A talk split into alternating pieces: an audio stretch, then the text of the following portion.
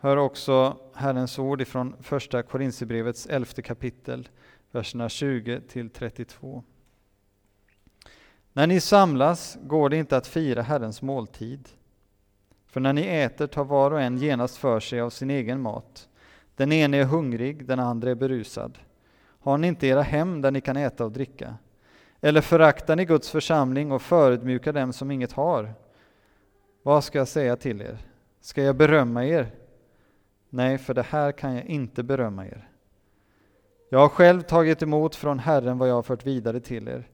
Den natt då Herren Jesus blev förrådd tog han ett bröd, tackade Gud, bröt det och sade Detta är min kropp som blir utgiven för er.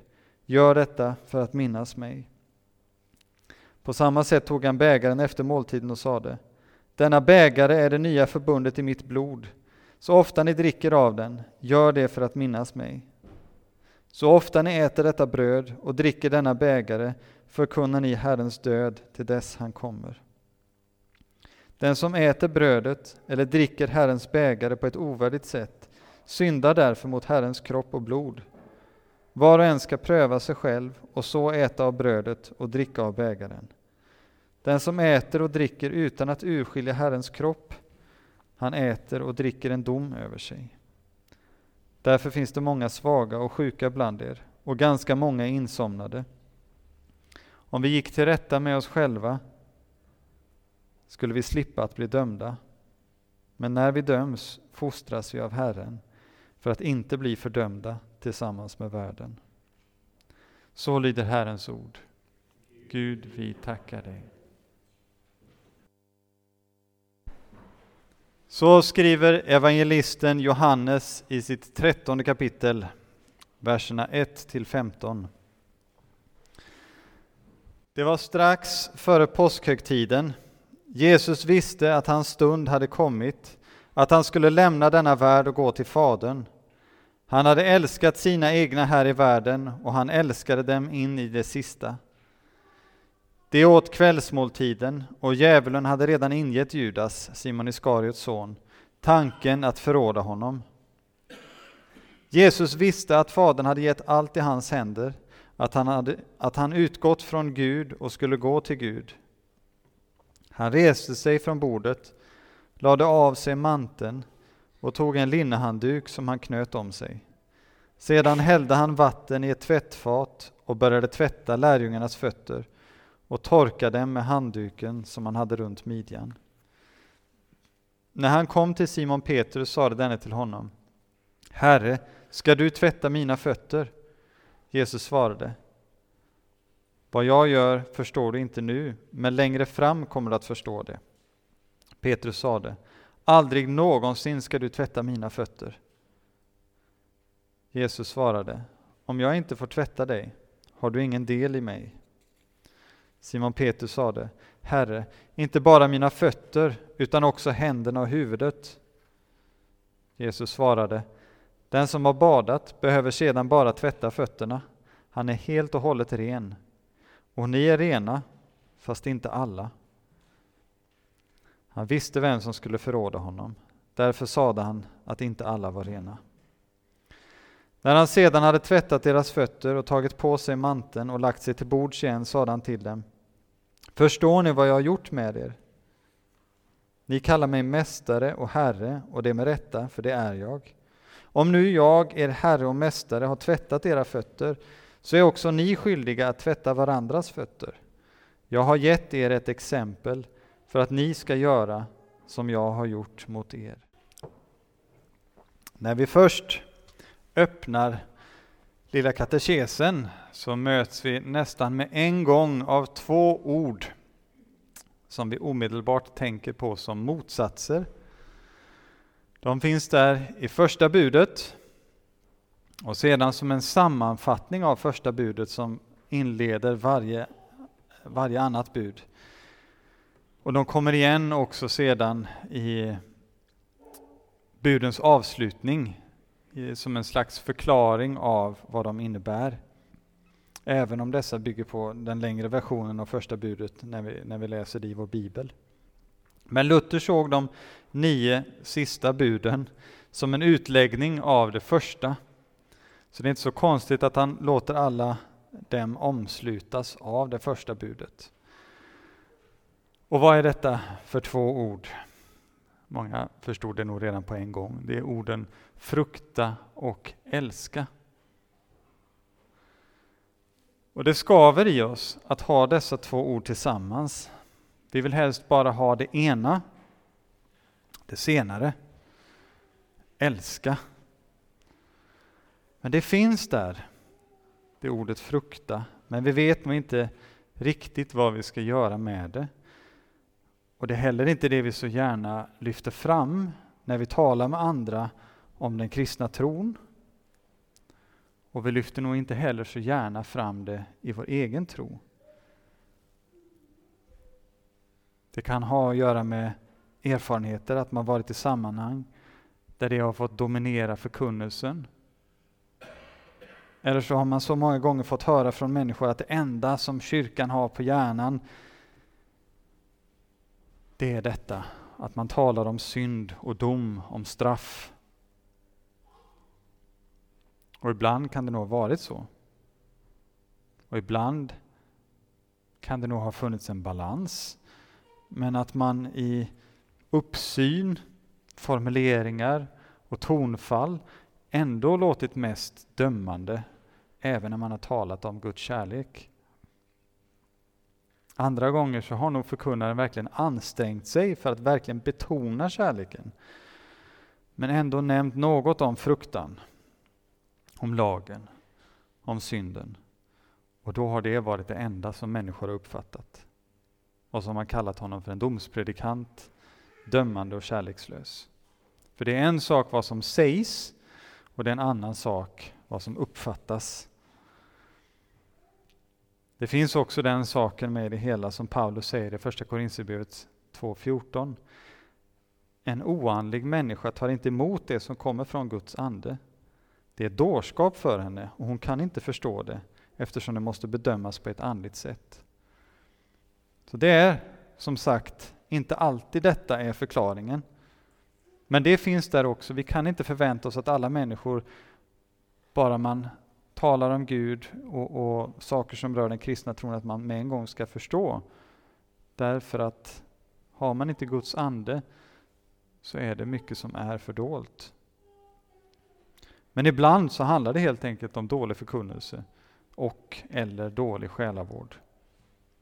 Men det är en påminnelse för oss att vi inte kan förvänta oss att en människa som sagt, som inte har Guds ande, alltid kan ta till sig allt bara vi är tillräckligt pedagogiska, inkännande eller undviker att tala om sånt som är obekvämt för köttet. För ord dödar och Guds ord ska döda. Men det ska döda för att föda på nytt till ett nytt liv i Kristus. Och Då innebär det att det blir obekvämt för oss, för vår gamla människa. Paulus skriver vi vet att allt som lagen säger är riktat till dem som står under lagen, för att varje mun ska tystas och hela världen står skyldig inför Gud. Ingen människa förklaras rättfärdig inför honom genom laggärningar. Vad som ges genom lagen är insikt om synd. Det visade sig att budordet som skulle leda till liv ledde till död. Vi har just läst två långa texter den ena är episten och den andra är evangeliet. vi skulle väldigt förenklat kunna säga att i båda dessa texter så återspeglas dessa två ord, frukta och älska, när det gäller nattvarden. Innan jag kommer tillbaka till dessa två ord så vill jag först tala om nattvarden som Jesu testamente och i ljuset av att det är just hans testamente tala om att frukta och älska. I episten så har vi Paulus eh, nattvardsskildring. Det är framförallt där som han undervisar om nattvarden. Och han lyfter då också fram orden från Jesu mun när han instiftade nattvarden som ett testamente dagen innan sin död på skärtorsdagen. Och som med alla testamenten så är det noga med de ramar som angivits, om det angivits några. Så ägodelarna, eller vad det nu kan handla om, de utskiftas helt enligt vad som står skrivet i testamentet. Varken arvsskiftaren eller arvingarna är fria att göra som de vill. Det är den dödes vilja som gäller. Och så är det också med Jesu testamente, det nya förbundet i hans blod. Grekiskan gör inte riktigt skillnad på testamente och förbund här. Och man kan diskutera eh, nyanserna. Men ordet har båda betydelser. Det finns jättemycket mer att säga om detta med den gammaltestamentliga påskens betydelse, med lammets blod på dörrposterna och, och gamla testamentets förbundtanke kopplat till Herrens lidande tjänare som dör. Men det, det, får vi spara till ett annat tillfälle. Det får nu räcka att konstatera att betydelsen testamente finns här, bland annat genom att Paulus så tydligt kopplade till Jesu död. Så ofta ni äter detta bröd och dricker hans bägare, denna bägare förkunnar ni Herrens död till dess han kommer. Så vi läser i varje mässa ur Jesu testamente, hans sista vilja och testamente. Och så som hans arvingar så har vi att hålla oss till hans ord, inte lägga till, inte dra ifrån, inte ändra, utan så långt det är möjligt fira nattvarden i enlighet med orden i hans testamente. Det är hans måltid och inte vår, men den är tänkt att vara till vår nytta och välsignelse. Men när det blir bland oss, som det ofta kan bli bland arvingar, att det uppstår splittringar, konflikter och annat, då kan inte arvet utskiftas. Då har arvsskiftaren inte rätt att dela ut arvet. Det är detta Paulus tar upp med korintierna. Vi får komma ihåg att det här är en särskild situation i Korint som får Paulus att vara så skarp. Det, det handlar om uppenbart missbruk. Ett missbruk som skär rakt igenom Kristi kropp. Hans bröder och systrar behandlar, dem, behandlar det här som, som deras egen måltid, inte Herrens. Och inte ens deras gemensamma måltid, utan de äter för sig själva. De rika som har en möjlighet att komma ifrån sina sysslor, om de ens hade några, de kunde komma iväg tidigare och väntade då inte på resten av församlingen. De fattiga, kanske ofta slavar, var tvungna att slutföra alla sina uppgifter innan de kunde komma iväg och kom därför ofta senare. Kanske var det till och med så slavar till någon herre som hade kommit tidigare och nu satt och inte väntade på sin slav. Och inte heller hade de möjlighet att bidra så mycket till måltiden. När de kom nästan tomhänta så var det bara för att upptäcka att de andra hade festat på en bra stund. Så mycket att vissa till och med var berusade. Medan de fick förbli hungriga och sitta för sig själva i ett hörn. Det är inte konstigt då att Paulus är upprörd och varnar dem för att fira Herrens måltid på ett ovärdigt sätt. Det här var inte alls enlighet med Jesu testamente. Och han skriver det på nytt till dem och påminner om vad Jesus faktiskt sa. Vad var hans sista vilja?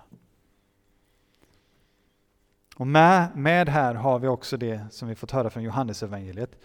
I samband med måltiden så reser sig Jesus upp, knyter en linnehandduk runt midjan, häller upp vatten i ett tvättfat och sätter igång med att tvätta lärjungarnas fötter och torka dem med handduken. Han utför en slavs uppgift för sina lärjungar. Och så säger han, säger han så här ska ni fira måltiden.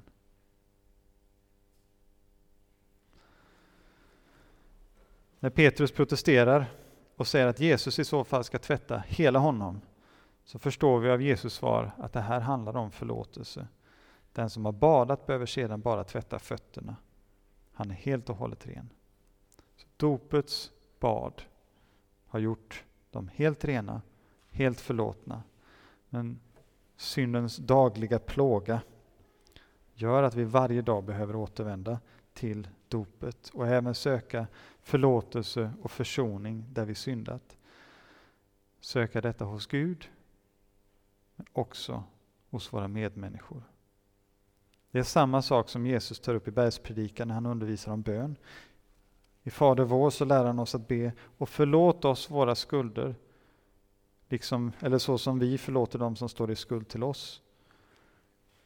Och av alla saker i bönen så är det detta han återkommer till direkt efter. Direkt efter han har så att säga gett sina lärjungar bönen så är det det där han tar fasta på och inskärper. För om ni förlåter människorna deras överträdelser ska er himmelske far också förlåta er. Men om ni inte förlåter människorna ska inte heller er far förlåta era överträdelser. Vi ska också lägga märke till att detta hör direkt ihop med bönen om vårt dagliga bröd. Och just den bönen såg man med en gång i fornkyrkan som är kopplat till nattvarden. Det kommande brödet. Alla som satt sig in lite grann vet att det här, här finns ett ord som är väldigt svårt att översätta. Men i tidigare arameiska eh, översättningar exempelvis så tolkar man det som morgondagens bröd eller det tillkommande brödet. Det, det eskatologiska brödet. Jesus som kommit, som kommer och som ska komma. Och till skillnad från alla andra testamenten så är detta ett där den vars testamente det är faktiskt görs närvarande. Ordet blir kött på nytt och kommer till oss i brödet och vinet. Och vad möter han när han kommer till oss i sin nattvard? Finner han att det är så som han sagt i sitt testamente? Så som han gav instruktioner åt lärjungarna att göra? Om inte, så finns det skäl att komma tillbaka till detta ord, frukta. Paulus talar om dom. Drabbar den oss utan att vi vet om det? Vi måste återigen påminna oss om att situationen i Korint, där var det inte undervisning in i en neutral situation, utan undervisning till obotfärdiga, sådana som fullständigt söndrade Kristi kropp. Och I detta fall så verkar det ha rört en stor del av församlingen. Eftersom brödet är ett, är vi som är många en enda kropp, för alla får vi del av ett och samma bröd. Vår gemenskap är i Herren. I honom är vi ett. Det är han som gör oss till ett, till en kropp. Hans kropp. Och söker du gemenskapen med honom, önskar du ta del av honom i nattvardens bröd och vin, då är det också någonting som du gör i gemenskap med andra bröder och systrar. Hela hans kropp. Inte bara de du lätt kommer överens med. Utan där finns också med att du förlåter dem så som han har förlåtit dig. Så drabbar dig domen utan att du vet om det. Ja, då får du först och främst fråga om du söker Jesus, hans kropp och blod som utgivits och utgjutits för dig till syndernas förlåtelse. Söker du detta? Sedan får du fråga, har du omsorg om dina bröder och systrar? Och söker förlåtelse från dem som du har gjort något ont emot? Och om du förlåter dem som gjort något ont mot dig? Alltså inte för att du är syndfri, för då skulle du inte behöva nattvarden. Utan just för att du inte är det, behöver du den. Om svaret är ja på dessa två frågor, söker du Jesus, hans kropp och blod till syndernas förlåtelse, är du angelägen om att förlåta och att bli förlåten,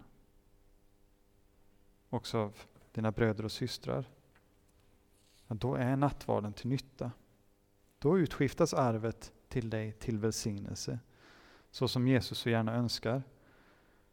Om du genom Paulus varnande ord inser att du inte kan svara ja och känner fruktan, låt den då i så fall driva dig till omvändelse så att du söker förlåtelsen. Då är inte fruktan något dåligt, utan något väldigt gott. Men om du ändå känner dig osäker och känner fruktan just för att du känner dig osäker, hur ska du då tänka? Då ska du gå och möta Jesus. Göra anspråk på att vara hans arvinge och lyssna till löftena han ger dig i sitt testamente. Ett testamente befäst genom hans död, oåterkalleligt och evigt gällande. Så vill han väcka din kärlek så att du också älskar honom. Bara så är det också möjligt att älska så som han har älskat, inte bara sina vänner utan också sina fiender. Så stark är hans kärlek också till dig. Så det arv som han har lämnat åt dig, det är honom själv. Sin kropp som bar alla och allas synder. Dina, mina, lärjungarnas, överste prästernas, de romerska soldaternas, fariseernas, de skriftlärdas. Det han lämnat är sitt blod som utgöts till syndernas förlåtelse, som täcker och försonar all den synd han bar. Han älskade sina egna här i världen och han älskade dem in i det sista, skriver Johannes. Och anledningen till att han på korset, som katekesen säger, återlöst, friköpt och vunnit dig, förlorad och fördömda människa, från alla synder, från döden och djävulens makt, inte med guld eller silver utan med sitt heliga dyrbara blod och sitt oskyldiga lidande och död, är för att du ska vara hans egen. Han älskade sina egna här i världen. Leva under honom i hans rike och tjäna honom i evig rättfärdighet, oskyldighet och salighet, så som han är uppstånden från döden, lever och regerar i evighet. Det är verkligen sant. Så när du hör orden, detta är min kropp som blir utgiven för er och detta är det nya förbundet, det nya testamentet i mitt blod som blir utgjutet för många till syndernas förlåtelse. Då ger orden vad det säger. Och hör du orden, ja då gäller det också dig. Det behöver du inte ens fundera på. För vill du att orden ska gälla dig, vill du ta emot hans kropp och blod till syndernas förlåtelse och hämta ny kraft till den dagliga kampen mot ondas makt, då är du värdig och rätt beredd. Då är det det du också får. För syndernas förlåtelse, ny kraft. Och där syndernas förlåtelse är, där är också liv och salighet.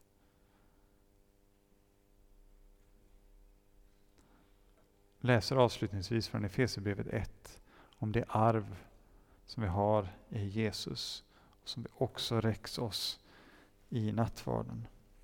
I kärlek har han förutbestämt oss till barnaskap hos honom genom Jesus Kristus, efter sin goda viljas beslut, till ära och pris för den nåd som han har skänkt oss i den älskade.